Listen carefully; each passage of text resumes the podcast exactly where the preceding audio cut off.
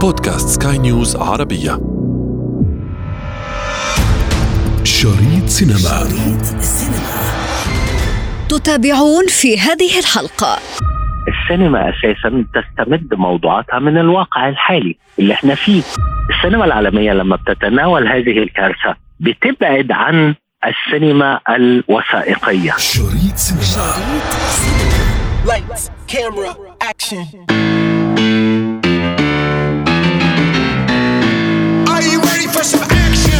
أحيانا قد يكون الواقع على ألمه مصدرا للإلهام. فالكتاب والمصورون والمنتجون عادة ما ينطلقون من مآسي الفرد لنقلها إلينا في حبكة قصصية معبرة. هكذا تكون الأعمال الناجحة. نحن أيضا أردنا من خلال ما يحصل على أرض تركيا وسوريا المتزلزلة أن نأتيكم بجولة على أكثر أفلام الكوارث الطبيعية تاثيرا. أنا ابتسام العكريمي وهذه حلقة جديدة من بودكاست شريط سينما على سكاي نيوز عربية. لا تفوت الأمر. شريط سينما.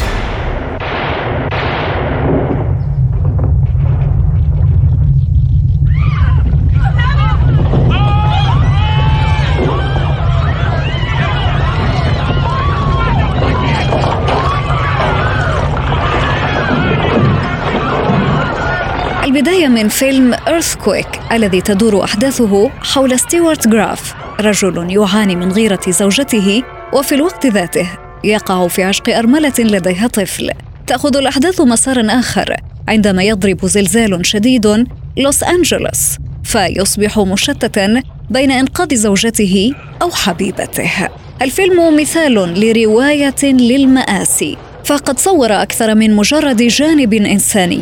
الناقد الفني أحمد سعد قال إنه كان ملحمة لرواية ما حصل من أحداث الزلزال في ذلك الوقت. السينما أساسا تستمد موضوعاتها من الواقع الحالي اللي إحنا فيه اللي هي الواقع المجتمعي. الواقع المجتمعي لما ببص للسينما العالمية هلاقي إن عندي مثلا اليابان عندي إيطاليا الكلام من ده. بيحصل فيها زلازل كتير بيحصل فيها براكين. بركان في جوف مثلا في إيطاليا. طبعا اليابان كلها زلازل. قبل كده حصل تسونامي الكلام من ده. السينما بقى لما بتيجي تتناول هذا الموضوع بتتناوله من بعض الزوايا. يعني مثلا سنة 74 عملوا فيلم اسمه زلزال هذا الفيلم مش قايم بس على إن في زلزال بيدمر الدنيا وخلاص لا قايم على قصة حب في البداية. واحد ومتجوز بس في تباعد كده فتور بينه في العلاقة الزوجية بينه وبين مراته اعجب بواحده تانية فلما بيروح لها بيحصل الزلزال. طب هو يقدر إن هو ينقذ مين في الاثنين يروح لمين؟ حالة الحب مسيطرة ولكن الكارثة الحقيقية الواقعية حصلت اللي هي زلزال. طب الزلزال ده ليه توابع؟ حاجات مدمرة. العمارات اللي بتقع الحياة اللي بتتدمر بعض الأعمال أو الأشغال اللي إيه اللي ممكن إن هي تتوقف. فده بتبقى مشكلة. هنا بقى السينما بتصور الموضوع اولا بوجهة نظر إن هي منطلقة من قصة الحب هي دي الأساس ولكن الكارثة الطبيعية حصلت فبتصور لك الكارثة الطبيعية بشكل كبير جدا. أفتكر إن الفيلم ده نجح نجاح كبير في فترة السبعينات وكان الناس كمان يعني في الوقت ده عايزين يتفرجوا على الفيلم لسبب تاني. ما كانش فيه التطور التكنولوجي الموجود دلوقتي. كنا بنشوف خدعة لأول مرة بنشوفها. إزاي عمارة بتقع؟ إزاي الدنيا؟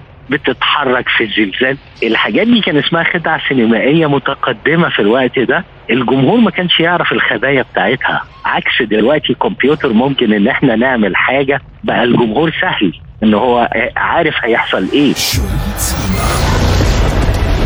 There's a hurricane coming. We gotta go. Agent Corbin reporting in. 600 million offloaded. It's all here with about 300 million of its cousins. It's your responsibility. I'm all right at babysitting old money. رواية أخرى تصور ملامح مختلفة مأساة في قلب مأساة فريق من اللصوص ينفذ خطط سرقة خطيرة من الخزانة الأمريكية وفي نفس الوقت يوجد إعصار شديد جدا يتجه نحو بنك صك العملة وتتوالى الأحداث في The Hurricane Heist هي بتاخد الحدث نفسه وبتركب عليه قصة لكن توثيق ان أنا بصور الحدث في وقته. لكن الكارثة الطبيعية موجودة زي بالظبط الفيضانات. وفي فيلم كان اسمه مطر شديد. أفتكر برضو إن هو صور موضوع الفيضانات وإزاي بتغمر الأرض بشكل كبير تغمر قرية من القرى فممكن تدمر بيوت أشغال تتوقف عائلات تتشرد. الجميل إن السينما العالمية لما بتتناول هذه الكارثة بتبعد عن السينما الوثائقية.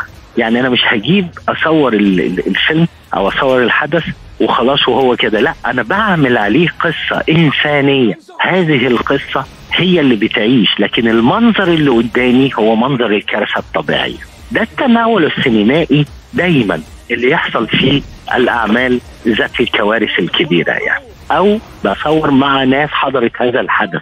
هناك بعض الأفلام أستاذ أحمد يلي يعطونا مثلا بعض المشاهد الواقعية يلي متصورة في الحدث نفسه. هذه ماذا تسمى؟ زي مشاهد الحروب والحاجات دي. هنا بقى بتسمى docudrama جاية من documentary داخله في الدراما فيها جزء وثائقي ولكن داخل الايه؟ العمل الدرامي. لكن في بعض الكوارث ممكن تحصل من 100 سنة. يعني مثلا من أجمل الأفلام اللي, اللي الشباب بيحبها فيلم تايتانيك. ما هو تبع الكوارث. الفيلم ده هو بيتكلم عن غرق أكبر سفينة من 100 سنة أو أكتر دلوقتي. هم عملوا إيه؟ أخذوا الحدث بشكله الطبيعي اللي هو إزاي المركب اتبنت وهتسافر من هنا لهنا وبعدين غرقها. لكن جوه هذا الفيلم اتعمل الدراما بتاعت إيه؟ قصة الحب اللي بتظهر ما بين ولد من طبقة شعبية وبنت من طبقة تعتبر نبيلة ولكن الحدث الأساسي هو الكارثة الطبيعية اللي إيه؟ إن السفينة دي دخلت في جبل جليد فغرقت ودي كانت أول رحلة ليها ولم يكن في الحسبان إن أكبر سفينة في العالم تغرق هنا الكوارث يمكن إحنا دلوقتي مثلا شفنا إن الكوارث الموجودة في الزلازل سواء في تركيا سواء في سوريا في الأيام اللي فاتت بيفكرنا دايما بالأفلام اللي اتعملت وحالة ما بعد الكارثة حصل إيه ما هي الكارثه مش إن هي وقوع الزلزال فقط هذه العائلات التي تشردت التعامل معاها إزاي قادرة تعيش إزاي ده دور السينما بقى إن هو يصور لك الحياة ماشية إزاي مش التوثيق للحظة فقط I leave you with Henry David Thoreau's words. Go confidently in the direction of your dreams. Live the life you have imagined. We salute you!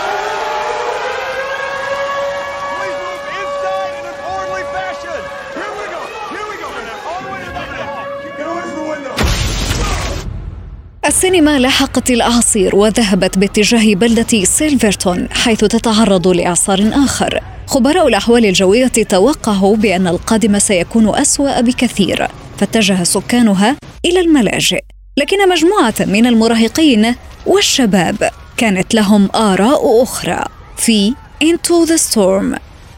قصص كثيرة بانتظاركم في بودكاست العام سام فكونوا في الاستماع.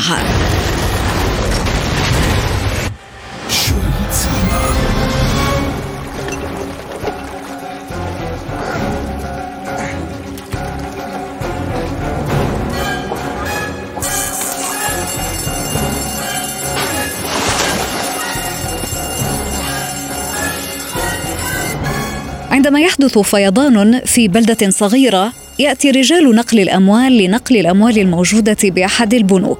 لكن تتطور الأحداث عندما يعترضهم مجموعة لصوص من أجل السرقة.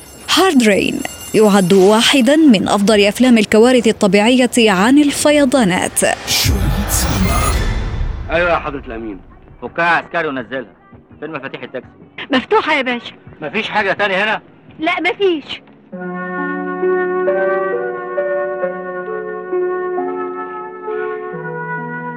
الفيلم العربي أيضا وثق آلام المآسي ما بعد الكوارث الطبيعية ومزج بين تدخل الإنسان وتلكك الطبيعة.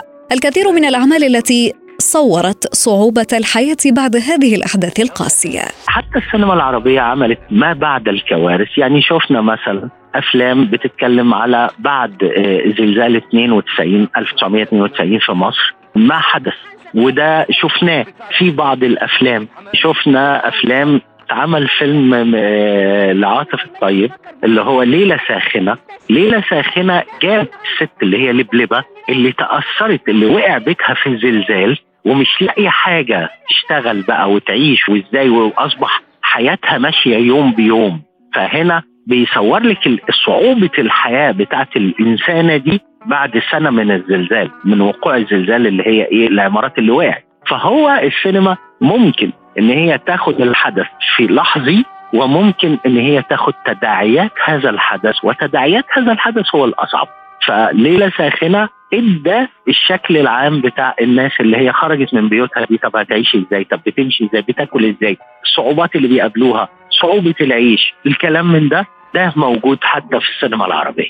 في أفلام طبعا هو يمكن أنا الذاكرة لم تسعفني بشكل كبير ولكن في أفلام تناولت ده وفي بعض الأعمال الدرامية كمان تناولت هذا الموضوع وكان بيحصل كوارث في فترة من الفترات إن بعض العمارات اللي كانت بتقع حتى بدون زلزال في مسلسل كان اسمه برج الأحلام اللي هو باعوا الشقق بتاعت العمارة لأكثر من ساكن وبعد كده العمارة وقعت فكل الناس جريت إزاي بقى اللي بيحصل ما بعدها سواء اللي خسر فلوسه أو صاحب العمارة اللي نصب على الناس اللي دخل السجن بعد كده. طبعا هذه التداعيات تناولتها الدراما سواء كجزء من عمل فني أو سواء كعمل فني. بشكل عام يعني الرأي النقدي لمثل هذه الأفلام وخاصة عندما نركز على الأفلام الأجنبية لأنها آه، متنوعة أكثر في القصص. بتخدم عليها أكثر لأن الإمكانيات أساسا أعلى. يعني إحنا في فيلم زلزال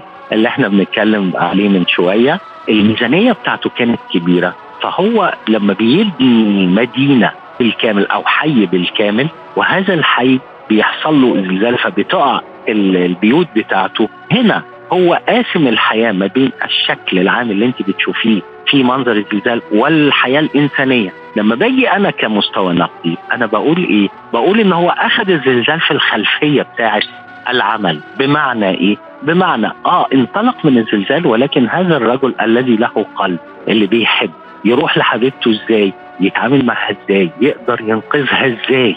هنا بيتوقف بقى على كاتب السيناريو. كاتب السيناريو هنا كان بارع جدا جدا. عشان كده الفيلم كان في الوقت ده يعتبر متقدم بشكل كبير. شريط سينما. انتظرونا أحداث جديدة في شريط سينما. شريط سينما. شريط سينما.